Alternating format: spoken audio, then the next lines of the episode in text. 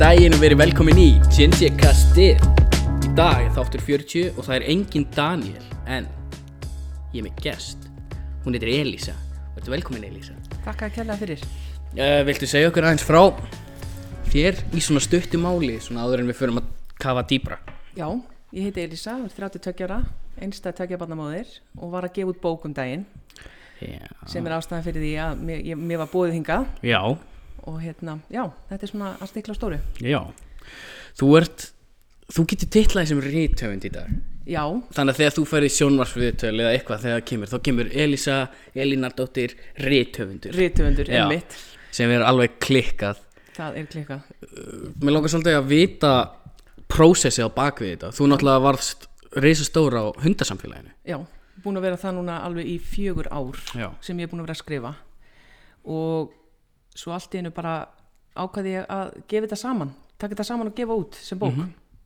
Sem er náttúrulega frábært og ég hugsa að það séu rosalega margir sem hafa verið að lesa póstana eina og sjá sko hugmyndaflugið á bakvið póstana Já, og hugsa skiluru ok, hvert getur farið með þetta?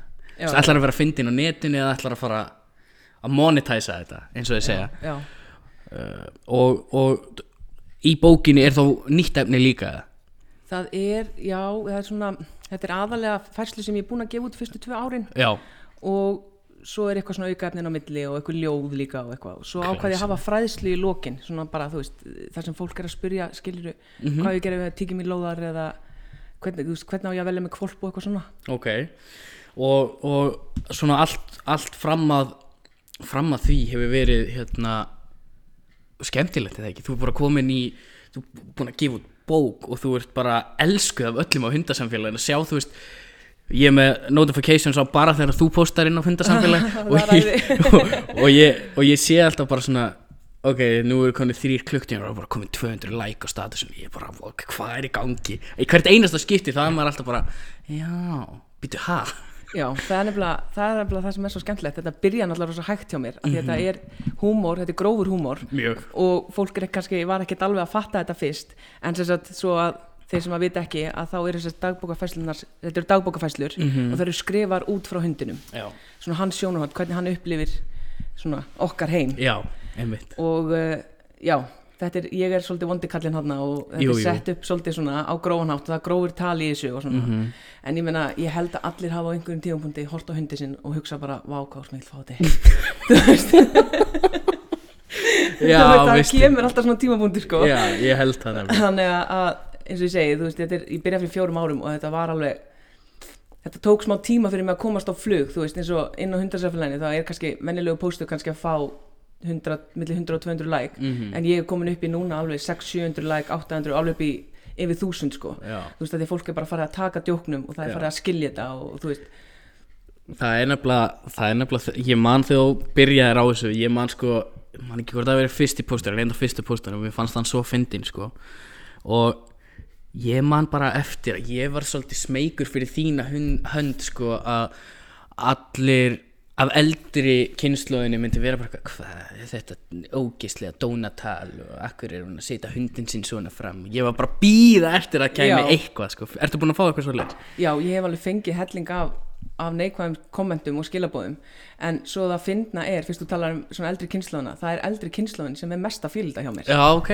það er svona, Það er frábært. það er ógeðslega að fyndi við þetta en ég er alveg, það, það er alveg hægt í dag svona þannig séð, fólk er mikið líka að setja út á, að því að ég kalla sjálfa mig beljuna, Já, þú veist, og ég er beljan og eitthvað svona, að fólk er svona þú veist, ekki tala svona niður til þín og þetta er svona Já. ljótu talsmáti og þú veist, verður með meiri sjálfsöringu, en Já. þetta snýst ekki um það. Þetta er, þetta er ekki ég eitthvað að rakka sjálfa mig niður á netinu, Nei, nei. þetta er bara ég að, ég á hund sem er vandræði út í eitt og er bara, þú veist, að búa til skemmtilega sögur í kringu það, því að ég held að svo margir tengi við þessar sögur. Já, ég, ég, ég, ég er nefnilega verða alveg að segja fyrir minn part sko, þá er þetta búið að vera pínu svona ok, nú er Elísa búin að vera að gera þetta í þetta langan tíma og, og við erum komin út í það að hún er, þú veist, farin að gefa út bók og það er allt þetta. Og svo hugsa maður bara um allt fólki sem hefur fengið aðtikli á netinu eða hvar sem það mánu vera í sjónvarpi eða eitthvað það kemur alltaf, það er alltaf eitthvað svona niðurkvöst það er alltaf eitthvað mótlæti alltaf einhver sem er ekki sammála því sem þú ert að segja. Já, og svo lengi sem það er fólk bara byggja þig um að vera ekki að tala niðrjandi við sjálfur þig þá, þá, þá ert í góðum málum sko. Já, enda líka sko, það hafa alveg komið póstar þar sem að fólk er að setja inn eins og að kom núna nýlega einhver eldri kona sem postaði inn hérna, sætti mér uh, hvað er að þér? Þú átt ekki að gera svona mikið grína hundinniðinum mm. og ég reyndi að útskýra fyrir henni að hann talar ekki íslensku og hann skilur ekki og þú veist, þetta er allt Þetta í er gríni gert og, og svo fyndið að þar undir tóku svo margir undir mitt mál. Já. voru þú veist að verja mína hlið og segja bara, heyrðu þú veist, þetta er bara djók, þetta er augljóslega djók. Já. ef ég væri, þú veist, eins og vond og hann er að láta mig líti út fyrir að vera þá væri ég ekki að posta því á netinu. Nei, ef ég væri í alvegnu bara að taka hann í nakkadrambaðanum og henda hann með það öfum út sko, Já. þá væri ég ekkert að posta því. Og þetta er líka út af því að allir sem að eiga hund eða hafa átt hunda eða þekkja mikið af hundum vita það að hundar eru dramatískustu verur á jarðríki. Algjörlega, það er bara er svoleiðis. Þannig að uh, fennir eru mjög góður í að skila því frá sér í dagbúkafæslanu síðan já. Um, hvað er þetta að kaupa bókina hérna?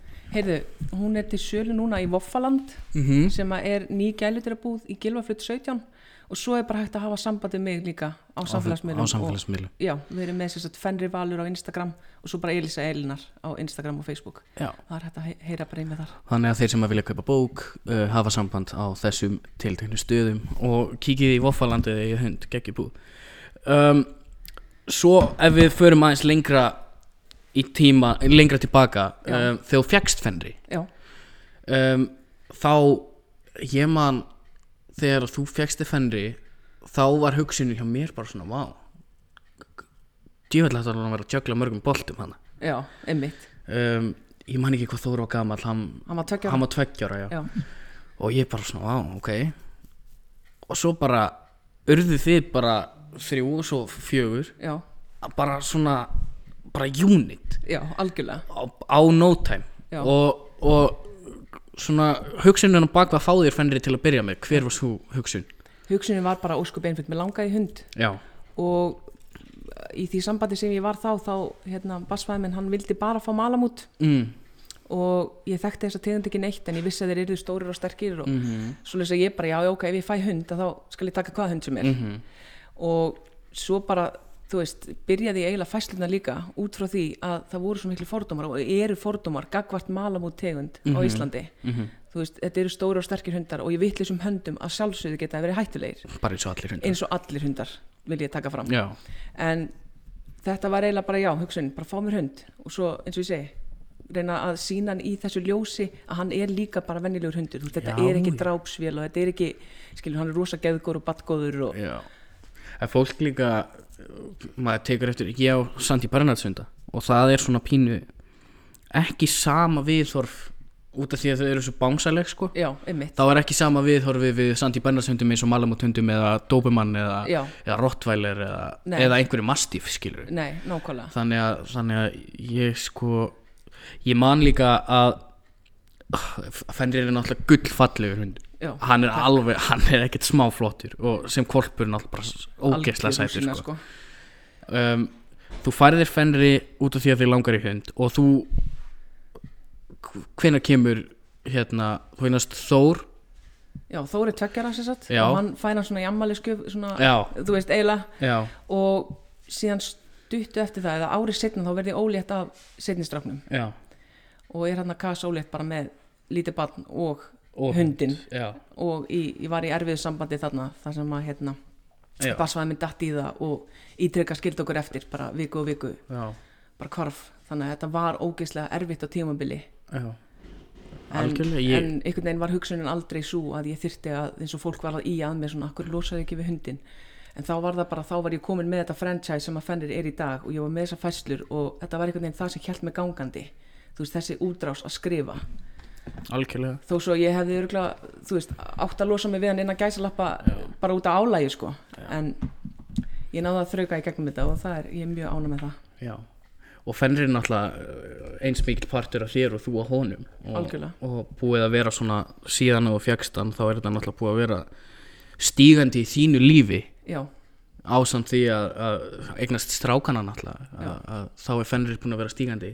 Já, og þú veist bara frá ég náttúrulega þekki þig búin að þekki þig áður en þú eignast strákana áður en þú já. Fenri og. Og, og hérna það er bara gaman að sjá úr hverju þú komst og, í, og hvað þú ert orðin já, og þú ert orðin bara algjör ofur mamma og átt fenri og ert að gefa út bók og ert í skóla og þú veist, þú ert komin á svona stað sem að í fullri hreinskilni ég hef ekki séð fyrir mér að þú hefði nokkur sinni geta komið þér á.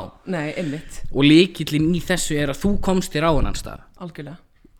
Og bara fyrir fólk sem er kannski í vandræði með hvað á að gera hvernig það á að komast á sína staði og, og fyrir fólk kannski sem að vandar innblástur já, hvort þú væri til að deila með okkur bara svona hugafæri sem að þú fóst inn í þennan kapla af lífinu þínu með Já. og hvað þú skildir eftir. Já, algjörlega.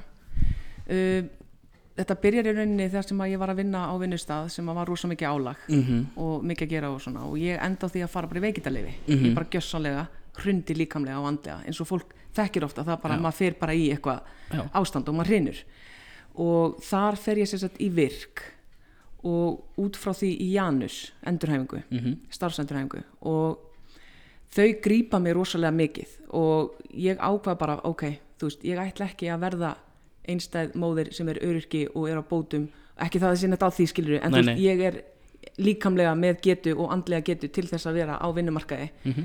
og ég fór bara með það hugafar inni í þessa endurhæfingu að ég myndi bara nýta mér þetta og ekki sjá eftir neinu. Nei. bara gjörsalega, allt sem mér er sagt að gera ger ég. Mhm. og þar fekk ég alls konar greiningar. Ég fekk um, ADHD greiningu loksins og fór úr lif, Já. loksins kom með það. Og svo fekk ég líka borderline personality disorder Mm greiningu og er búin að vera að vinna með það. Og veist, og það er svo mikið stigma í samfélaginu Já. varandi svona geðsútum já, hún hlýtur það bara eitthvað snar geðvik þessi, þú veist, að því hún er svona og svona. En ef þú ert með verkfærin í höndunum til þess að vinna með þessa geðsútum eða hvað sem það er sem þú ert með að þá náttúrulega Já. kemstu á þann stað sem þér er ætlað að vera Já. Og það er búið að vera svolítið greinilegt í gegnum þitt ferli ef ég, ef ég má kalla þetta ferli að þá ertu búin að fara frá stað þar sem að þú sjálf varst ekki 100% þú varst Já. langt frá því já, á stað þar sem að þú sjálf ert nálegt 100% eða eins nálegt og þú hefur verið býst ég við. algjörlega. Og allir í kringu því líka. Já, strákarnir og fenrir og, og Heimilið og heimilið og allt og skilur sko, þannig að þú er búin að taka sko ekki bara skref, þú veist, ekki bara stiga ekki bara tröppur, ekki ekki liftu, þú er bara búin að taka geimskutlu, já. bara lengst út í geim miða við það sem að það sem ég kemur inn þaðan sem þú komst.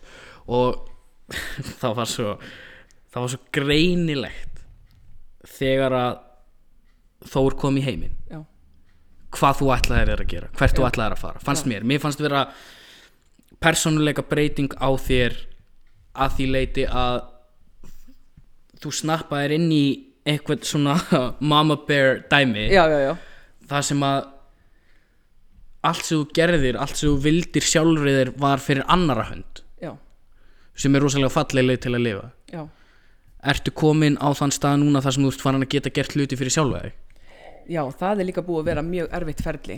Að því ég eh, elst uppið eða var að alast uppið erfiðar aðstæður heima. Það var mikið læti á heimilinu. Svona svo við þurfum nú ekki að fara nákvæmlega út í það nei, en, nei, nei, nei. en ég var sérstaklega líka lögð mikið í einelti sem bann Já. og var í handbolta og ég var rosalega góð í handbolta og það auk á, eða jók á eineltið. Mhm. þú veist, að hvernig getur þú veist þessi nörda krakki og þessi, þetta fíblskilur verið óksla góð í einhverju? Mhm. og þannig að þú veist það hefur alltaf verið Alltaf það hefur alltaf verið hérna svolítið erfitt fyrir mig að félagslega finna mig og eiga stað í lífinu og leifa sjálfur mér að finnast ég verið einhvers virði ég skil þig og ég bara bánsaði sko sem úlingur þá bánsaði ég á milli þess að vera hjá ömmu og mömmu og pabbi minn hann þau skildu og þá hvarf hann í ykkur ár og Mm. veist, þetta var svo erfitt að díla með alla þessa hormóna og þannig að ég leita út í vittlisum vinnaskap Mhm. vinskap og hérna byrja sérst eitthvað að dópa og, og er að drekka mikið og náttúrulega bara þú veist búin að lifa endalist áföllum og eina sem ég kunni var bara að deyfa. Já, já. Og ég vildi meina það að ég væri bara svona fungerandi fíkil sko. ég gæti unnið og ég gæti sint mínu en ég þurfti alltaf að fá mér þegar ég kom heim. Já, og þeg, það sem gerist er þegar ég verð ólétt þá einhvern veginn klikkaði bara eitthvað inn í hausnum á mér. Bara já þetta, þetta er lífið. Ef ég ætla að gefa einhverjum allt mitt eins og ég hef gert bara við alla í kringum mig ég, ég er rosalega góð manneskja, þú veist, út af við og gerir meira fyrir aðra en sjálf á mig. Mhm. að um leið og strákurinn kemur þá bara, heyrðu nei, þú veist, nú veit ég hvað ég ætli í lífinu. Og bara stutti eftir það, þá fer ég meðferð teka á þessum vanda, þessum alkohólvanda sem ég var með og hef bara verið eitthvað núna í hvað, eitthvað fimm ár, leis bara með strákana og, og, og samt gengi í gegnum rosalega erfið áföll eftir ég varð já, og haldi mér eitthvað gegnum það það hefur verið minn stærsti sigur. Og Já. það finnst mér alveg bara þar er ég að gera hetning fyrir mig og fyrir mig, mitt sjálfströst sko. það er náttúrulega bara magnað og það er bara, þú veist, ef ég gæti klappað hann þess að klippa mækana þá myndi ég gera það. Um, og þú náttúrulega ert frábær manneskja. Það er allir sem að þekkja því vita það. Og það er búið að vera mjög greinilegt á þinni ferð bæði sko áður en þú eignast þóru og eftir og, öll áföllin sem urðu eftir strákana, áfennri og allt þetta að þú ert mjög drifin. Já, og þú ert ákveðin Mhm. allir sem að þekkja því vita það líka. Að þú ert ákveðin og þú ert, þú ert drullu klár. Já, þú ert drullu fokkin klár og hefur alltaf verið það. Já, og þú ert að læra brennismið. og uh, þú veist aftur, það er svo ótrúlegt og það er svo gefandi og það er svo, það veitir maður svo mikið innblástur að sjá fólk eins og þig sem hefur alltaf ógislega mikið potential. Þú veist, þú ert ekki bara með potential í því hvað þú ert klár heldur þú með potential í því hvað þú ert frábær manneski og hvað þú ert góð, hvað þú ert hvað þú ert brosmild og skemmtileg og allt þetta skilur, þú ert með potential í allar áttir. En að vera þar sem þú varst, þar sem þú varst kannski bara að tappa inn í svona 10% af öllu þar já, að vera búin að tappa þig lengra inn í alla þessa hluti já, er aðdánavert að fylgjast með og er eitthvað sem ég held að rosalega fáir geti gert. Já, og þú náttúrulega átt strákana. Já, og mér langar svolítið að heyra svolítið frá strákunum og, og þitt og ykkar samband sem er náttúrulega frábært maður sér það á hverjum degi. Að þegar að Þór er orðin hvað er Þór orðin gamall? hann er hann fimm ára, já, Hann er orðin 5 ára gamall Já. hugsaðir, já, hann er orðin 5 ára. Þannig að frá því að þú eignast Þór og bara þanga til í dag bara segðu mér aðeins frá strákuninum og hvernig þeir hafa ekki beint haft áhrif á þig en hvernig þú hefur haft áhrif á þá. Skilur hvað ég minn þannig að þú ert farin að gera hluti fyrir sjálfæði núna sem er náttúrulega bara stærsta skref að mínu mati sem að manneska getur tekið er að geta verið eins góð mamma hundamamma og strákamamma og þú ert en geta samt líka hugsað hei ég þarf mig pínu já, líka. já, já, algjörlega. Það er rosalega gott. Þannig að balansinn þar á milli þú mátt segja mér frá honum og, og segja mér bara hans frá strákunum já, sko, eldri strákurinn Þór hann er fimm ára, yngri strákurinn Jökull hann er tveggjára mm -hmm. og þeir eru eins ólíkir og hægtir. Er það? já, Þór er rosalega svona listræn og rosalega ljúf og góð sál Mhm. hann er svolítið með mína takta sko Mhm. svo kemur Jökull og hann er algjör traktor hann, veist, hann getur sex egg í morgumat og, og, Já, já. og einmitt er svona massífur og, og sterkur og ákveðinn og hann fær svolítið, svona, svolítið það mikið líka frá mér Já, en er bara mikið íktari sko um, sambandi okkar á milli sko, það er eiginlega best að segja frá því þegar að sagt, ég er með bassveðu mínum Mhm. og það er erfitt á heimilinu Mhm. að Þór er hvað, þryggju háls þegar að bassveðu minn bara lappar út og við höfum ekki séð hann núna í tvö ár þroskin frá því að hann er þryggju háls og þangar til núna hefur verið svo gífurlegur og það endur spekla svo mikið vinnuna sem ég hef lagt í strákana og legg í strákana af því að Þór var þannig típa að sko hann, hann var sett til að tala, hann er mikill fyrirburi hann fættist átta vikum fyrir tíman og hann var sett til að tala og hann var rosalega svona félagslega inn í sér. Og hann var rosalega bældur og við vorum hann að byrjuð að vinna með þetta og leikskólinn og þú veist hvað get ég gert og, og ég var alltaf að reyna að þú veist lesa allt fyrir hann og, og tala við hann og hvað, hvað get ég gert meira? Svo kemur það bara í ljós að þegar að pappans fer byrjaði drengurinn að blómstra. Hann allt í hennu fyrir að knúsa fólk sem hann sé bara út á götu og hann stoppar ef hann er í göngutúr stoppar hann og segir góðan daginn og ég er í spætumannskóm þú veist, eitthvað sem hann gerði aldrei áður. Og þetta er náttúrulega bara eins og ég þekki það skiluru að eiga erfitt líf heima þú verður náttúrulega bældur, þú verður inn í þér og þú þroskast ekki sem manneskja. Nei. þannig að, að sjá hann loksins þroskast sem bann og krakki og eiginlega bara orðin úlingur í skapi sko, að þú veist, þetta er það sem mér þykir langvænst um með okkar samband. Það er mín vinna endur spekla svo mikið í þeim. Þú veist, þeir, þeir eru áhyggjuleysir þeir eru alltaf, þú veist, í hreinu fötum þeir fá alltaf að borða og þeir eru alltaf hlæjandi, þeir eru alltaf hamingjusamir það er allir sem tala um það, þeir fara núna í stuðningsfjölskyldu, tvisvar í mánuði í tvær nætur cirka. Og stuðningsfjölskyldan líka einmitt á stóna þátt í því að hjálpa mér af því ég náttúrulega þarf líka að fá mína kvíld þar sem að þeir náttúrulega er ekki með pappa helgar eða pappa viku eða neitt sko. En bara það að þú veist taka þennan tíma þegar þeir fara og virkilega bara næra sjálfa mig. Þú veist, fara í ræktina, fara í ljós, hitta vini mína fá að vera Elisa en ekki bara mamma. Mhm. Það gefur mér svo mikið þú veist, svo koma þér tilbaka og þá er ég alveg tilbúin að vera þú veist, Já. bara mamma. Mhm. og þetta er náttúrulega bara það sem ég hef gefið þeim og ég vona innilega að þetta sé góðu grunnur að, góðri æfi hjá þeim sko. Því ég meina það, það er það er allavega útlýtt fyrir það eins og er. Og eins og ég segja, þú veist þú náttúrulega stendur því ótrúlega vel. Takk fyrir og það er, það er bara deginum ljósara.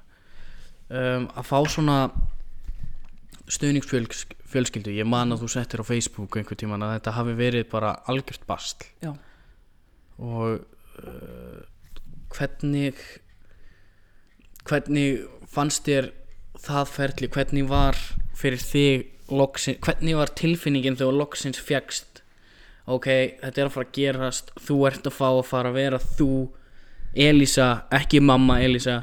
Þú ert að fara að fá að vera Elísa tvisar í mánuði það var náttúrulega bara rosa sjokk fyrst, þetta var alveg svona áfall. Fyrstu helgina man ég að ég bara sökk mér í eitthvað vinnu á heimilinu. Ég fór, veist, tók geimsluna í gegn og ég fór bara í eitthvað svona maníu þrif ykkur sko, að því ég náttúrulega var ekki með strákana mína og ég vissi ekki hvað ég átt að gera því ég var svo orðin svo samdun að því að vera bara mamma alltaf alveg, þú veist. já, já. en svo núna í dag náttúrulega er þetta bara, þú veist, yes, þeir eru að fara þá get ég aðeins fengið að, þú veist, ég get fengið að sofa út og ég get sint fennri alveg 100% og, og ég veit að þeir eru ofbúðslega ánæðir hjá stund, sinni stundisfjölskyldu og þetta er nefnilega, það er rosa erfitt að finna stundisfjölskyldu á Íslandi. Mhm. og hvernig ég fann þessa stundisfjölskyldu kemur mér í segja í gegnum fennri sem var ótrúlegt. Sem er ótrúlegt því að þau kynntust mér þegar ég bjó hérna í Mosó. Mm -hmm. þá kerðu þau stundum framhjá og sáu fennri úti og vildu fá klappunum og ekkert mál og svona komu nokkur sem yfir að klappunum og svona. Svo setja hann að statusin á Facebook bara heyrðum við vantastöðnisfjölskyldu bara eh, SOS alveg ég er að klebrast niður hérna alveg. Mhm. og þá kemur hún og segir heyrðu ég hef fylgst með ykkur fennri og mér langar óbúslega að hjálpa. Og þannig að þú veist fennri hefur gefið svo mikið af sér. Alveg. Eins og hann tekur. Nei, Jú, jú. Ætla að sé ekki svolítið svolítið sann einhverju leiti Já. Sem er bara ótrúlegt. Mér finnst það svo gaman að heyra þetta allt saman. Að vera Hugsa þér í máttin bara á því að vera fyndin á Facebook. Já, það er rosalega gaman. Hugsa þér Bara Þetta er bara, þetta er bara eins og að vera með ofurkraft að einhverju leiti sko. Já, þetta er eitthvað sem ég hef alltaf haft, þessi fyndni og þú náttúrulega þekki það, Já, já, að vinna já. veist, já, já, að veist, það er alltaf stuð í kringum mig sko. Já, já, og það þarf alltaf að vera eitthvað, eitthvað í gangi sko. Og það er bara svo ógislega gott að ég fann góðan farveg fyrir þessa útrás. Ég, ég er bara það ofvirka, ég þarf alltaf að fá bæði aðtegli og líka það að einhvern veginn svona fá þessa losun og útrás á hugsanir og tilfinningar og svona. Og bara að það að geta skrifað er bara guð skjöf já. það er náttúrulega bara frábært og, og að að vera rithöfundur já, eins og þú ert núna sem er bara stórkostlegt. Að vera rithöfundur er svona þú er búin að gefa út bók ok? Hvað er næstu skrif hér hvað langaði að gera, langaði að byrt, koma með aðra bók? Já, ég er byrjað að vinna á bók nummer 2 og nummer 3 líka.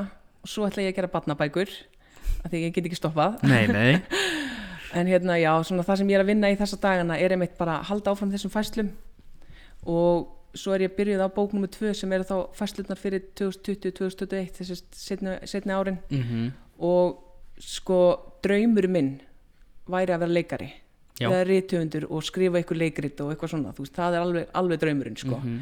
en ég bara hef ekki haft sjálfsöryggið eða sjálfströstið í að svona taka það skref. Þannig að ég ákvað að velja mig bara þegar ég fór í skóla þá ákvað ég að velja mig svolítið svona steady já, af því ég veit að yðnaðurinn er náttúrulega steady sko á Já, Íslandi. er og, og það að vera rennismiður er bara þú veist rosalega gott, ég get byggt upp rosalega mikið fjárhagslegt öryggi já. sem er náttúrulega bara nummer 1, 2 og 3 þegar maður er einstæð með börn. Mhm. og náttúrulega verður að hafa fjárhastett öryggi og húsi og þakka yfir höfuðið sko. já, þannig að en þetta er svona næstu skrifin eru bara skóli og vonandi komast í vinnu mm einhvers þar ef einhver vil ráða mig. Já það, allir sem að hafa þörf fyrir rennismið verða að senda skilabóð á Elísi líka. Um, að að eiga tvö börn og, og hund og vera fyndin á Facebook og vera að gefa út bækur og vera með hennan draum að skrifa handrit og, og, og leika er svolítið mikið í takt við þig já, finnst mér. Já, og ég geti nú alveg séð fyrir mér að þú myndir einhvern tímann vera með sýningu í borgarleigusinu sko. Já, mér langar líka rosalega að vera uppistandari. Ég, þú myndir negla það sko það veit að það allir sem um þekkja þig. Þannig að þú, þú myndir negla það alveg sko. Ef þú, væri með, væri með það sem ég myndi sjá fyrir mig með þig uppistandi væri að þú væri með svona tíu punta sem eru mjög fyndnir, tíu brandara en svo allt drasli sem þú myndir segja á milli það Já. væri það sem að væri fyndið sko einmitt. þegar þú ferð að stað bara eins og þegar við vorum að vinna saman þá skilur þú fólk eftir í kasti sko. já. og það er ennþá verið að tala um mig hann í fyrirtækinu jú, jú, það var bara seinna, í gær sko. það var Já. bara seinast í gær bara, það vandar einhverja svona elísu hérna sem er náttúrulega bara geggjaður heiður já, þú bara með, með eitthvað legacy hérna, það var bara myndaður på vegg en hérna veistu eitthvað um það hv- hvaða skref þú myndir þurfa að taka til þess að komast í uppistand eða, eða hvaða skref þú myndir þurfa að taka til þess að koma handriti á borðið hjá borgarleikusinu veistu hvað Sko, hvað myndir þurfa að gera Nei, ég hef ekkert kynnt mér hann eitt svakalega en ég held að það sé bara í rauninni skrifa handritið mm -hmm. og reyna að pota því að og Mhm. bara ringja og vera duglegur og bara íta sér að og svo langar mig að taka uppistandsnámskið Mm og þá er það fyrsta skrifið kannski í að svona kynnast ykkurum -hmm. og mér hefur reynda verið bóðið tvísvar að vera með uppistand bæði í hérna Secret Cellar Mhm. og svo einum svona góðgerðar svona fjáröflunar uh, viðburði Mhm. en á þeim tíma var ég ekki var ég ekki með það sjálfströst sem að þarf til þess að standa fyrir framann og vera fyndin. Já, til að standa fyrir fram fullt af fólki og bara þú veist, ætlast til þess að allir skilji Hvað minn húmór sko, einmitt. þú veist, af því að hann getur verið svolítið grófur sko. Hann getur verið það. ég, ég hugsaði með mér sko ef ég færi uppistandi að þá þyrfti ég að vara við að það þetta er svona svört sýning þetta er Já, svartur húmór sko. já. en ég held að þegar strákarnir er aðeins eldri ég hef aðeins meira svona svigrum að þá er bara 100% það að ég sé að fara í uppistand sko. Það er alveg 100% Algjörlega. En þegar, þú- þegar þú talar um uppistandsnámskeið að fara að er það ekki þá bara svona sama sem merki einhvern veginn og að fara á Dale Carnegie fyrir að geta talað svo ertu bara að fara á, út af því að það getur enginn kent þér að fara að fyndin nei, einmitt, Er þetta ekki bara undirbúðaði fyrir það að þú ert að fara að standa fyrir fram á fólki að það er ekki öllum að fara að finnast þú vera að fyndin já, þetta er í rauninni bara og ég menna þú, þú sér það eins og allir þessi frægustu uppistandrar Dave Chappelle og Kevin Hart og allir þessir þeir hafa alveg, það hefur alveg verið búið á þá. Já, og þú veist, og það tók það mörg ára að komast á þann stað sem þeir eru í dag. En þetta er eins og með fæslunar skilur að þegar ég byrjaði þá var fólk bara hvað er að þessari gellu skilur Mhm. að þú veist, en maður bara heldur áfram í gegnum það og bara, jú, þetta er það sem ég ætla að gera.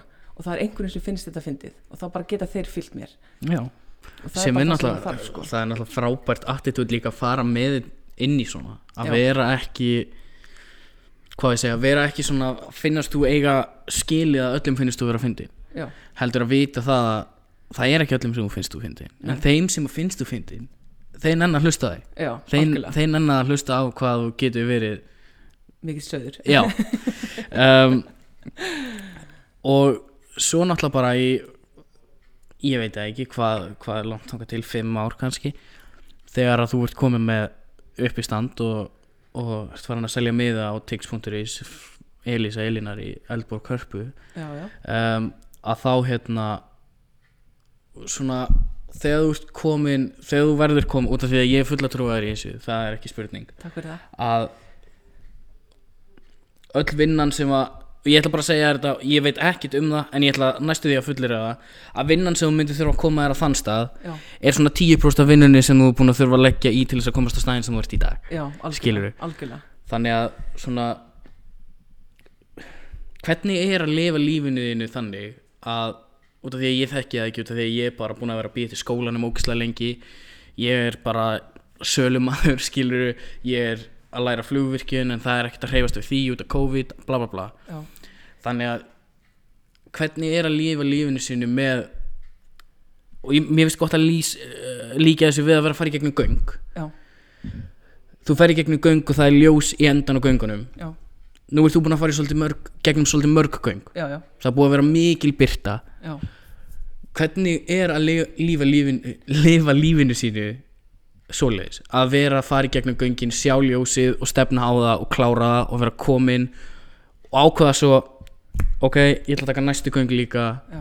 og láta það svolítið rúla svoleiðis hvernig eins og hugafarið þitt var að koma þér á staðin sem þú ert í dag já. hvernig er hugafarið varandi það að halda áfram og hvernig er hugafarið og hvernig hugafarið ert að fara inn í næstu ár Sko, ég myndi segja að í dag þá er ég náttúrulega komið með svo miklu meiri sjálfströst mm -hmm. og ég er bara miklu heiðalegri við sjálf mig hvað ég get og hvað ég get ekki og ég held bara að ég er svo ógeðslega þrjósk eins og þú veist Mhm. ef ég ætla mér eitthvað þá ger ég það og ég stend við það og ég veit það núna eins og þú segir ég er búin að fara í gegnum svo mörgöng og feng- fengið upplöfu ljósið þú veist, hægt og rólega að ég sé bara fyrir mér göngin Mhm. og svo sé ég fyrir mér það mun koma ljósið Mhm. þú veist, þetta er bara hugafar sem þú verður að hafa þú verður að vera bara, ok, þú veist, göngin eru erfið þau eru dimm, en þú bara heldur áfram Mhm. Og það er svolítið hugafari sem að ég bara held í, sko að, að, að komast í ljósið er það sem að drýfur þig áfram Já. að komast gegnum næstu göng Já, ég skil algjörlega. ég skil þig þá er nú eitthvað sem að ég geti lært af því út af þetta er búið að vera í fullri hreinskili þá er þetta búið að vera svo mikið bastl já, ég er búin að vera að býða og býða og býða og býða og svo hrökkut í gang og svo að komið nýtt bræð af COVID maður. Og verður að trappa það niður já. skilur þannig að þetta er búið að vera algjört og ég kom, komst á punktum daginn þar sem ég var bara fuck, hvað á ég að gera? Hvert á ég að fara, hvað er ég að gera? Hvað, hver er ég? Já, þannig að þú veist svona svona innblásturinn af þér náttúrulega er sá að er bara hausin upp og halda áfram. Hætta þessu. Hætta, hætta að vefja sér í sjálfu sér og bara gera hlutina skilur já, og líka bara, þú veist, það sem að er liðið er liðið. Mhm. þú breytir ekki hvaðan þú kemur. Þú getur ekki breyst æskunni, þú getur ekki breytt því að ef þú varst í ofbeldissambandi eins og ég, ég hef verið í nokkrum ofbeldissambandum. Þú getur ekki breytt því en þú getur lært að því og þú verður að þroskast að því. Mhm. þú verður að líta á hverja einustu hindrun og hver, hvert einasta áfall sem tækifæri til þess að þroskast. Ef þú horfir á lífið þannig að þú hugsa með þér, ok, þetta er erfitt en hvað er ég að læra? Mhm. Þú veist, hvað er alheimurinn að reyna að kenna mér? Einhverja tækni sem ég hef ekki haft. Já, og einhver þroska sem ég þarf að hafa fyrir áframhaldið. Og ef maður hugsa þetta þannig og hugsa bara að veist, þetta gerist alltaf ástæðu það er, ok, þó maður hafi komið sér kannski innan gæslappa í sumar aðstæðu sjálfur, skilur eins og í ofbeldssambandi og fólk alveg, hvað, hverju ferði ekki bara lappar út og mm þú veist, þetta er náttúrulega ekki það auðvelt sko. Nei, nei. Að hérna ef þú bara lítið tilbaka og hugsa ok, þú veist, ég er ennþá standandi ég er, ég er anda, ég fæ að vakna á hverju mótni þá er ástæða fyrir mig til að halda áfram. Mhm. Og maður verður að finna líka sitt eins og ég fann strákana, strákanir eru ástæðan fyrir því að ég er bara með rosa drifkraft. Mhm. bara ég ætla að vera þeim til sóma. Ég ætla að koma inn til manns og ég er búin að ákveða það að þegar þeir eru átján og, og vonandi kannski fluttir út eða komið Já, í skóla og þeirra líf er komið á góðan stað þá ætla ég að fá mér eitt hvítisglas Mhm. til að fagna því að ég hafi komið inn til manns Já, og svo legg ég niður glasið aftur. Já, það er svona, ekki það, ég muni nú ekki gera það en þú veist, það er svona, það er svona mín gulrót. Bara, Já, ég ætla að skála fyrir sjálfur mér þegar að, að því kemur sko. Sem er náttúrulega bara frábært markmið og þú veist það er nefnilega svolítið það sem að ég náttúrulega er ekki fóreldri sjálfur þannig að ég tengi enga megin við þetta. En, en maður hefur heyrt á lesið að að það er þessi ekki, ekki bara þessi drifkraftur heldur að þegar að fólk átta sig á því að það besta sem að þú getur gert fyrir barnið þitt er að gera barnið þitt að góðri mannesku já, þá ertu búin að segja það að og hvernig gerir barnið þetta góður manneski þú verður að byrja á sjálfu þér þú endur spekla, barnið endur spekla þig ef barnið þitt er óhæmyggisamt eða bælt eða líður illa þá er eitthvað, eitthvað taktík sem þú þarf kannski að breyta og þú veist, eins og ég þurfti sjálf að læra og ég er ekkert að setja Já. út á aðra fóreldra, alls ekki. Nei, þú veist, auðvitað er þetta ekki alltaf fóreldrum að kenna auðvitað getur verið einhilt í skólum og allt það. Ég er alls ekki að segja, eða þú veist, alhæfa þannig. Nei. En eins og í mínu tilfelli var það bara aðstæður sem ég bjóð til fyrir barnið mitt mm sem að urði til þess að hann varð bældur hún leið illa. Og þegar ég átti mig á því og farið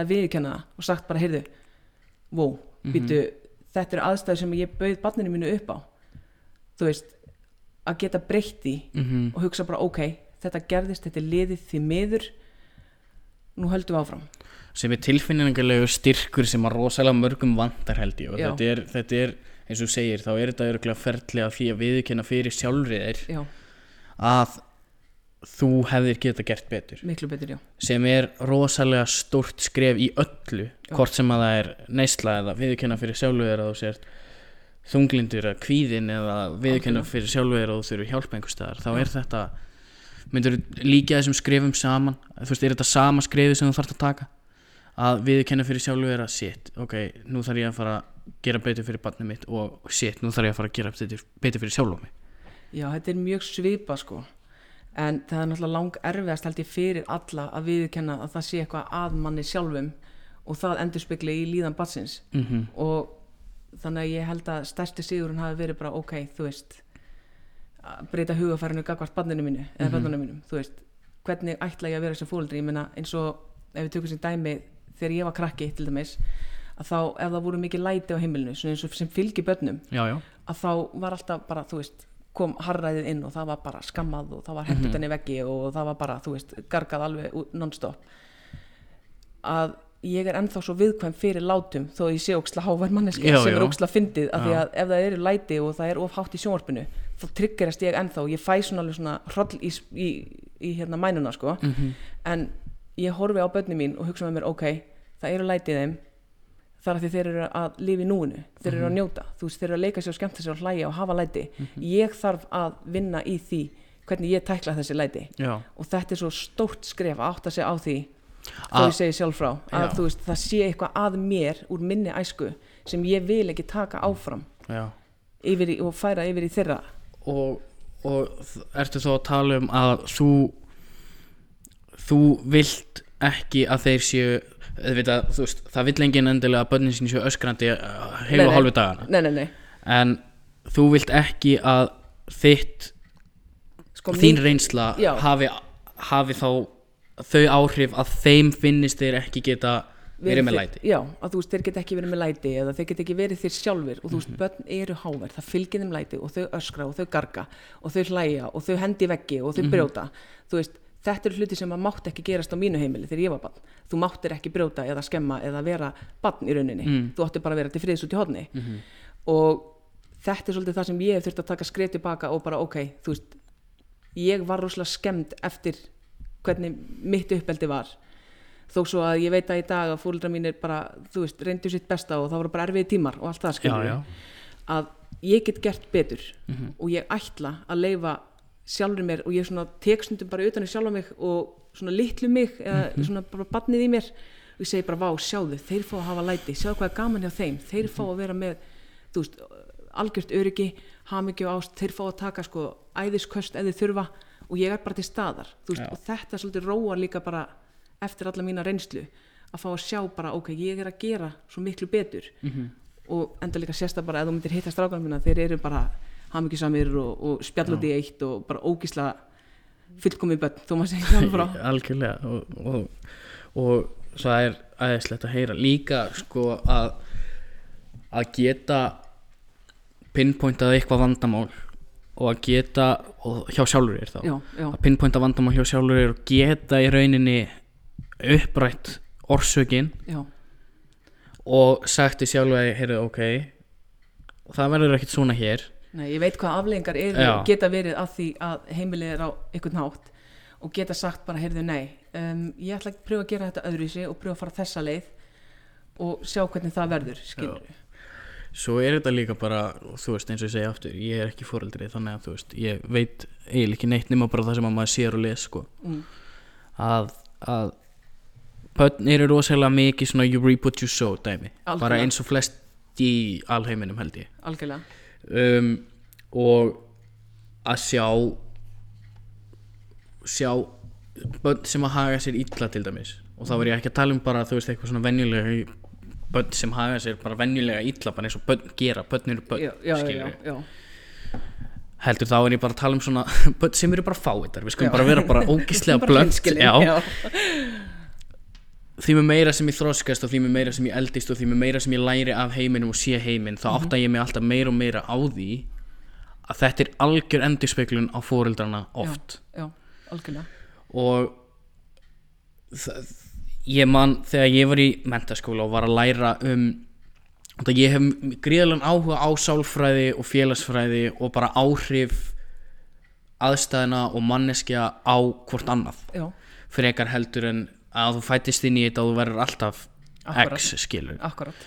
Um, þannig að mér finnst rosalega gaman að lesa um og mér finnst rosalega gaman að fræða mig um nature versus nurture. Já, og nature versus nurture argumentið er alltaf það að ert þú náttúrulega prógramaður í eitthvað Já. og það, því verður ekki breytt eða eru aðstæður og allt í kringu þig uppeldið sem þú færð skólinn sem þú ert í blokkin sem þú býrð í já, gæludýrið sem þú átti sem bann öll þessi allir þessir hlutir hafa áhrif á því og áhrif á hvaða manneskja þú verður. Já, já, argumentið sem að mér finnst alltaf svo skemmtilegt í þessu er að proof is in the pudding. Já, þú sérð þetta, þú getur séð þetta á hverjum einasta degi hvaða áhrif hvað hefur haft og, hvern, og hvernig þau enduðu. Já, þannig að mér finnst rosalega gaman um, eins og með strákana þína og að vissi leiti þig líka út af því að ég er mjög mikill ég er team nurture sko. Já, já, já, maður sér þetta svart á hvítu. Fólk ræður eigin örlögum. Algjörlega. Og allt sem að gerist í kringu þau getur haft áhrif á þau já, þegar þau eru börn. Já, allt eftir það ef að þú hefur stjórn á þínu lífi þá kemur út eins vel og þú ert búin að undirbúa þig fyrir það. Já, þú kemur út úr því eins mikil manneskja og þú getur verið Já. ef þú leifir þér að vera. Akkurat sem er hlutir sem að þú hefur gert rosalega vel og, og svona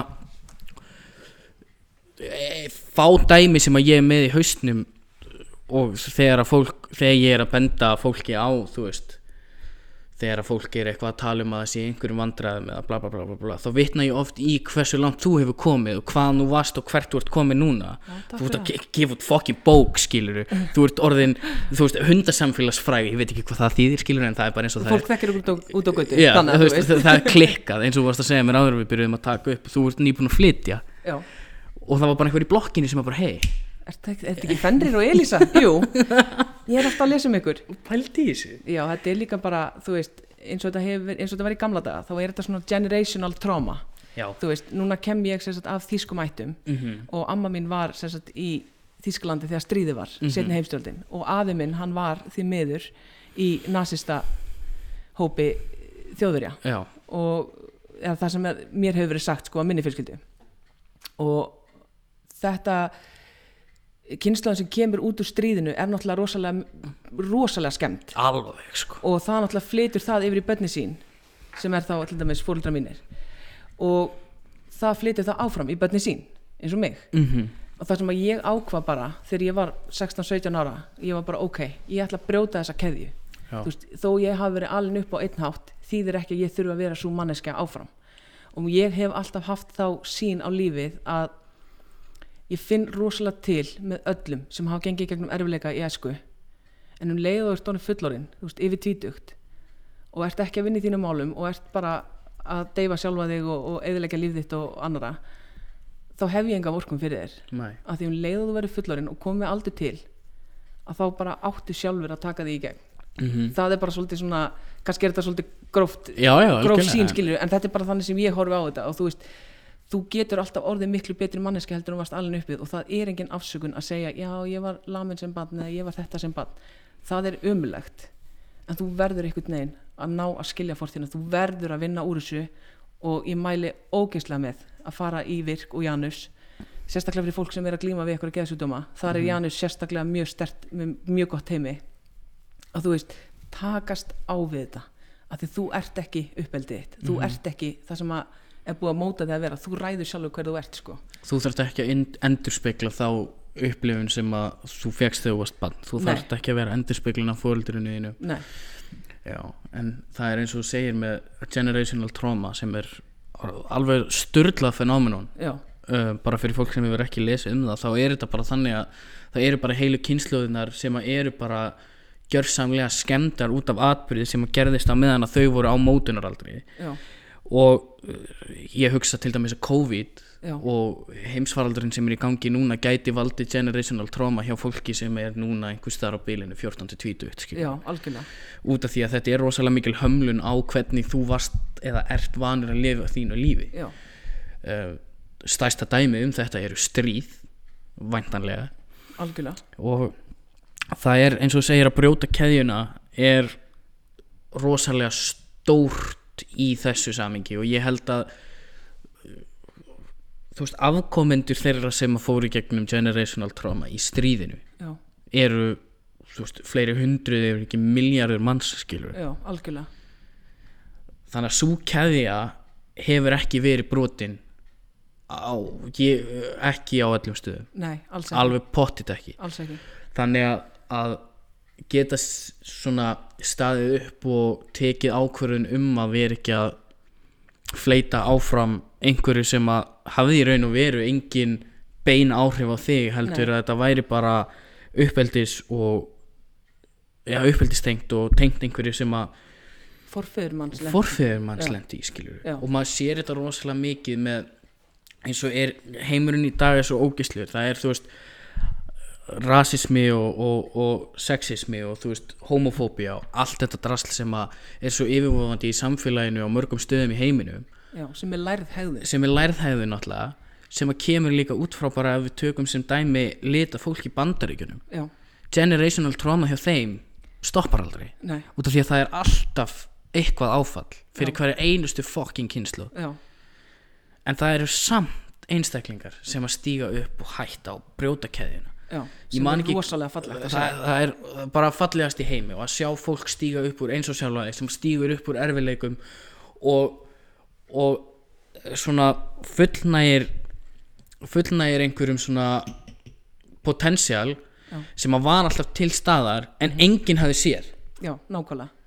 Enginn í heiminu hefði geta sagt við mig fyrir 6-7 árum að þú verið reythöfundu Nei. að þú verið eins góð mamma og þú ert og að þú sért að standa eins vel í lífinu og ert skilur Já.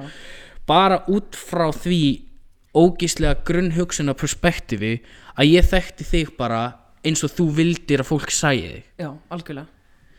Þannig að í gegnum öll þessi ár síðan og hvert ert komið núna og svo margir í heiminum sem að gera þetta líka að koma fólk alltaf á óvart. Já, og mér langar svolítið að koma inn á það að þú hefur komið rosalega mörgum á óvart býst ég við. Já, hvernig er það? hvernig er að vera pínu svona geta sagt bara in your face við alla sem þú hittir? Það er ógeðslega góð tilfinning. Það er, líka þetta tilfinning að ég vann mig upp úr öllu sjálf. Já, ég lagði inn vinnuna Já. og ég er að uppskera það sem ég er búin að gera alveg sjálf og það er einhvern veginn bara svona það er ógeðslega gaman. Og það, þetta, ég veit að þetta fyrir taugarnar á mörgum og ég hef alveg séð það, þú veist, afbrýðsemi er ljót ljót tilfinning. viðbjóður. Og ég hef alveg eins og segi fengið minn skerf af, þú veist af reynd að brjóta mig niður og reynd að halda aftur af mér. En það að geta staðið upp og verið bara, heyrðu, ég er einstæðmóðir stend mér sjúklega vel, kom minni eigin íbúð er, þú veist, að læra og er að gefa bók og allt þetta. Þetta er svo ógíslega mikill sigur. Já, þetta er alveg bara, þetta er, þetta er besta tilfinning í heimi að geta sagt bara, þetta er ég þetta er ég búin að byggja upp og það er enginn sem er að brjóta þetta niður. Ég, ég bara ég er náttúrulega óbúslega stoltur að þér og þú veist, þetta er búið að vera í alvörinni tala þú veist, þegar að fyrir svona að bara mjög reglulega þá tala, tölum við mamma um bara Elísa maður, djöfull er hún búin að standa sér vel, djöfull er hún búin að fylgjast með henni á Facebook, þetta er búið að vera bara og, og hérna þetta er búið að vera svona pínu eins og ég sagði áðan, þetta er, búið, svona, þetta er svona innblástur, þetta er saga sem að mér finnst margir eiga Já. skilur Já. út af því að Hollywood til dæmis þeir taka sögur eins og þína já, og setja hana í fína búningin skilur við Já. íkja, íkja erfiðlega heitin og íkja góðu tíma góðu tímana. Sem að er fyrir manneskjum sem mig sem hefur ekki gengið í gegnum nálægt í eins mikið og þú og hef ekki komið og hef ekki þurft að vinna mikið í lífinu eins og þú. Þú veist ég á ekki börn, ég á ekki hund ég er ekki að gefa út bók, ég er ekki að læra rennismíði og ég er ekki að gera hitt og þetta skilur en þessi fegurða búningur sem Hollywood situr á þetta er alltaf rosalega svart og hvitt já, algjörlega. Er þetta svona svart og hvít þegar þú ert að vinna þig rags to riches, ef við orðum það já, þú ert komin úr því að vera í ofbeldi sambandi í neyslu og í vinnu þar sem þú fegst gríðalegt áfall, andlega og líkamlega. Já, já, og fjórum árum frá þeim tímapunkti sem þú færð áfallið þá ert að losna úr ofbeldi sambandi já, strákurinn er farin að blómstara já, þú átt nýtt barn. Já, þú átt fenri, þú ert farin að skrifa á Facebook. Þetta er fjögur ár. Já, og bara frá mér til þín fjögur ár nú er ég ekki gamall, ég er 23 ára. Fjögur ár er engin tími. Nei, allt þetta progress á þessum fjórum árum og svo allt eftir það er svona mind blowing Já. er þetta er þetta bara upp á við eins og þau sína í Hollywood myndunum. Er þetta svona ok, Steady upp á við já, bara bara endalus stíu upp á við og svo nærði einhverjum topp og þú lifir bara toppin það sem eftir er. Þú veist, Já. rosalega handrita dæmi. Já. Nei, þetta er ekki þannig sko. Þetta er í rauninni sjálfsvinna myndi ég segja eins og ég hef verið að leggja í hana er þú veist, tvö skrif áfram eitt skrif aftur á bak. Mhm. og það er þannig, þú veist, að koma áföll og þau setja mig alveg aftur og þá þarf ég bara að minna mig á, heyrðu hvert erum við komin, ætlum við að tapa öllu sem þú ert komið með fyrir eitthvað smá áfall? Þú veist, eða ætlar þú kannski bara að líta á þetta sem hindrun og hugsa eins og ég sagði á hann Mhm. bara, ok, hvernig get ég þroskast út frá þessu? Hvernig get ég litið tilbaka og hugsa þetta var jákvæði punktur í mínu lífi. Í staðan fyrir að segja, þarna var mér kannski þú veist, þarna var kannski ráðist á mig mm og gerðir úksleik hlutir og mér leiði úksleik illa og þetta hefði getað brotið hvað manneski sem er. En þú veist, hvernig get ég hort tilbaka og sagt þetta var jákvætt, af því á þessum tímapunkti þá ákvæði ég bara að standa upp og bara hei, -hmm. núna þarf eitthvað að gerast núna þarf eitthvað að breyta mínu umhverfi. Mm þannig að þú veist, þetta er alltaf skilur við, smá progress svo kemur eitthvað bakslag. -hmm. og svo bara halda áfram, halda áfram, halda áfram. Og myndur segja að það sé raunhæf leið til þess að horfa á svona hluti og þá ekki kannski eins ítt á í þín, þínu tilfelli en bara horfa lífið in general? Að myndur segja að lífið sé svolítið tvö skrif áfram, eitt skrif aftur á bak? Sko allan hefur það verið í mínu tilfelli. Já Það er, það er nefnilega uh, það er nefnilega það sem að maður heyrir á rosalega mörgum stöðum og ef maður lesi um það og svona að þetta er allar rannsóknir og öll viðtöl segja manni það að þegar að fólk kemur í svona viðtöl eins og við erum að gera núna og, og er að segja frá sínum sögum þá fegrar það söguna rosalega og ég veit fyrir fakt að þú ert ekki að því að út af því að það vil svo mikið láta fólk halda að hlutinir gangi bara upp á við frá the word go. Já, já, og það er alls ekki þannig sko. þetta er bastl og ég meina ég er ennþá að ströggla líka veist, ég meina ég er ennþá með mína innri djöfla sem að ég bara mun lifa með alltaf þú veist, en spurningin er bara hvernig ætla ég að díla við það veist, og þó maður segir tvö skrif áfram, eitt skrif aftur á bak þá er það samt eitt skrif áfram. Það er bara það er, Það er alveg þannig. frábær leið til að horfa á, á það allt. Svo náttúrulega svo náttúrulega eh, er þetta líka svoleiðis að þú ert komin eh, hvað áttu mikið eftir að skólan já, uh, tvö ár, eitt og hálft ár tvö ár, sem er aftur engin tími Nei, þannig, nei. að, að vera vera svona hvernig gerur þetta? Ég ætla bara, bara reynd út, ég ætla ekki að fegra þetta neitt. Nei. hvernig ferðu að því að eiga tvö börn og risastóran knúsanlegan hund sem er frægur á Facebook og vera í skól hvernig, hvernig ferðu að þessu? Hvernig, hvernig?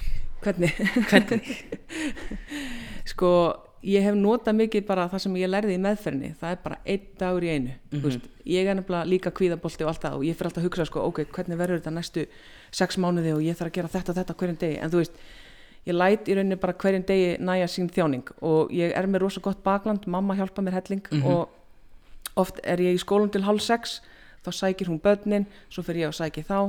Síðan bara kem ég þeim í rúmið. Þá þarf ég að hlaupa með hundin er að pissa veist, og ég ger þetta bara eftir prógrami og þetta er bara, ég skipuleg mig og ég get bara alveg sagt það að ég vissi ekki hvað skipulag var þangað til fyrir svona ári síðan. Að þetta er bara drullu erfitt og ég ætla að vera alveg hreinskilið með það. Veist, þetta er ekkit eitthvað, eins og ég segi, þetta er ekki svona glamoræst Hollywood Nei. skilur ferli hjá mér allavega. En þú veist, ég er bara veginn eins og ég segi, ég tek bara einn dag í einu maður verður að gera það þegar maður er svona á erfiðum stað og það er mikið að gera. Skipulagningin er eitthvað sem að ég er enda á ströggla við og, og reyni að, að temja mér en ég er rosalega erfitt með það. Já, ég líka, hvað er það e, þú veist hvernig ertu með bók sem þú skrifar e, eða vaknar þú bara um morgunin eða kannski kvöldi áður og hugsaður ok, svona verður morgundagurinn ok, og svona, svona, svona, svona og svo bara, já, þetta er rauninni já, þetta er í rauninni bara, ég skipilega hvern dag bara kvöldi áður. Bara þú veist klukkan þetta, þú veist hvað þarf ég að gera? Hver, hvað reminders er ég með? Hvert á ég að mæta? Og svo bara, ok byrja ég bara á fyrsta staðnum, en því ef ég fyrir að hugsa sko, ég þarf að gera allt þetta yfir allan daginn mm þá fer ég bara í kvíðakast sko. en ef ég byrja bara, ok, ég er búin að segja að heita Stefán hér, þá ger ég þetta og klára það. Eftir það, þá þarf ég að gera þetta og er að gera þetta. Að þú veist, taka bara einn dag í einu og líka einn hlut í einu. Já, veist, ekki vera mikla fyrir sér bara, já, en það er svo brjálega að gera hjá mér alltaf. Já, veist, það er brjálega að gera hjá öllum. Mhm. En þá tekur bara einn hlut í einu klára það, búm næsta, næsta. Og eins og ég segi, bara halda alltaf áfram. Er því að maður hefur alveg ég persónulega hef dottið alveg inn í svona. Það sem maður er bara ok, ég hef mikið að gera og það er aðalega kringum þetta tímabil. Ég finna hjá sjálfur mér, ég er náttúrulega kvíðasjúklingur og þunglindur og allt það eins og mjög margir já, já, að þessi tími árs er mjög rosalega erfiður út af því að mér finnst alltaf ég þurfa að vera að gera svo ógeðslega mikið. Að það þarf að kaupa jólagjafir og svo er jólamatur og svo er ég að fara í þetta jólabóð þarna og svo er vinnan alveg bregðlega að gera í vinninu og allt þetta. Og svo er svo dimmt úti líka. Já, ég er náttúrulega, ég hata skamdegið sko. Ég er bara með fokkin ástriðu Elisa, ég hata En sko Að geta verið einmitt eins og segir Ég dett stundum óvart inn í þetta Ég gerir þetta ekki vi- vísvitandi meðvitandi með, Þú veist, fulla meðvitandi að ég sé að gera þetta Fyrir en eftir á. Það sem ég dett inn í svona Ok, ég er komin í vinnuna, það er bara að klára vinnuna Ég er með þessi verkefni, ég ætla að klára þetta fyrst og svo þetta Ok, áfram gakk, bla bla bla. Svo þegar maður er búinn og þegar maður er komin heim og maður er komin upp í rúm og maður er búinn að fara í styrtu og er að fara að sofa skilur þá maður bara, vá, dagurinn í dag gekk bara ógislega vel. Akkur ger ég þetta ekki oftar? Svo vaknar maður morgunin eftir bara, fuck, helviti skamdegi maður er að fara í vinnuna og svo er maður bara fílu allan daginn. Já, já, já. Það er ég sko. Já, já, já. Ég tengir rosa mikið við það líka Já, sko. ég get ekki, ég, ég á rosalega erfitt með að skipulegja mig. Já, eins og ég á erfitt með til dæmis þegar ég og Daniel eða ég fer til útlanda og nú ég hafa ég og Daniel farið til útlanda tvisar saman, bara tveir. Þetta hefur alltaf verið svona ok, við erum að fara til útlanda gera eitthvað úti, nei við ætlum ekki að skipulegja neitt við ætlum bara að fara út og við ætlum bara að gera það sem að kemur já, já, já, algjörlega. Við ætlum taka, taka þetta bara við ætlum bara að vakna á morgunin og, já, vingita bara, algjörlega. Þannig að ég ég bara að skipuleggja svona hluti ég bara geta ekki. Og það, það er ekki út af því að ég geta ekki geta ekki. Nei. það er bara hausin á mig segir bara hættu þessu kjátt þú ert aldrei að fara að fylgja þessu skipuleg Nei, nákvæmlega. En það er náttúrulega líka breytist rosalega mikið þegar maður eignast börn. Þú náttúrulega, þú náttúrulega verður að sinna ákveðnum þörfum. Ég meina, þú veist, það þarf að elda kvöldin, það þarf að baða þá það þarf að lesa fyrir þá eða á mínu heimili og, og þá er þetta bara svolítið svona þetta er í rauninni bara vinna mm alveg bara, þú veist, ég meina, ég klokka mig inn klukka 7 á mótnana og svo er ég loksins búin að klokka mig út svona hálf nýja á kvöldin. Þá eru þeir komnir í ró og svona og þá hef ég hana smá tíma fyrir mig þar sem ég get verið bara einmitt, vinga þetta bara, hvað ætla ég að gera og hvernig? Já bara shit, ég ætla að horfa á Squid Game á Netflix nú Já, nákvæmlega, nákvæmlega. Það er geggjað. En svo er þetta líka að, að ná að skipulegja sér svona í kringum eitthvað sem er þið svona kært. Já, ég hugsa að það hjálpi sko. Já, en þú ert í skóla og þú býrð þar sem þú ert ekki lengi í skóla? Nei, ég er ekki nema bara mínútur sko. Já, sem er náttúrulega bara frábært. Algjör snild já, það er bara æðislegt. Í nýju íbúðinni þá? Í nýju búin, já, já, já, það er bara frábært. Þetta er búið að vera mjög upplýsandi viðtal held ég og þetta er búið að vera mjög skemmtilegt. Er eitthvað fleira sem þú vilt snerta á svona í, í svona undir lokin Nei, viðstu, ég heldur sem ég er búin að fara bara út um viðan völl og Ég aftur tilbaka og ég er bara ótrúlega ánægð og bara ótrúlega gott að sjá þig aftur, ég er búin að sakna eins og mikið. Dulli, sko, þykir svo Sömuleiðis væntið þig. Sömuleiðis. Sömuleiðis. Það er vikuleg Vikulegur, ég er náttúrulega lík því. Já, það er ekki vikulegt Gingercast lengur. Nei, nei, um, í hverjum þætti þá þá erum við Daniel að við setjum fram plötu vikunar já Ert þú með plötu vikunar? Sko, ég, mér datt engin nýleg plata í hug Það þarf ekki að vera Það þarf ekki að vera Nei, Ok. nei, nei, nei, nei. Ég er nefnilega sko, það sem ég hlustaði mest á þegar ég var krakki var Eminem og D12 og allt svona Svo Mhm. fann ég þessa gömlu geisladiska um daginn og því líka briljant snildin sem þessi gömlu rapplög eru Þannig að ég veit ekki, plata vikuna verður bara að vera Marshall Mathers Það er bara þannig sko. Það er bara svoleiðis. Marshall Mathers LP er plata vikunar hjá Elísu. Ég ætla að vera með eitthvað svona svaka uh, astnalegt sitt eins og ég er alltaf með. Heyrðu Christmas Deluxe Special Edition með Michael Bublé mín plata vikunar, gleðileg jól, gleðilega hátíð. Heyrðu, þetta er búið að vera Gingerkastið, þú er búin að vera frábær. Sömulega um, kaupið bókin hennar Elísu, please, nenniði please. Og, og já, haldið áfram að fylgjast með fennri á hundasamfélaginu og þanga til næst að þakka ykkur kælilega fyrir það hlusta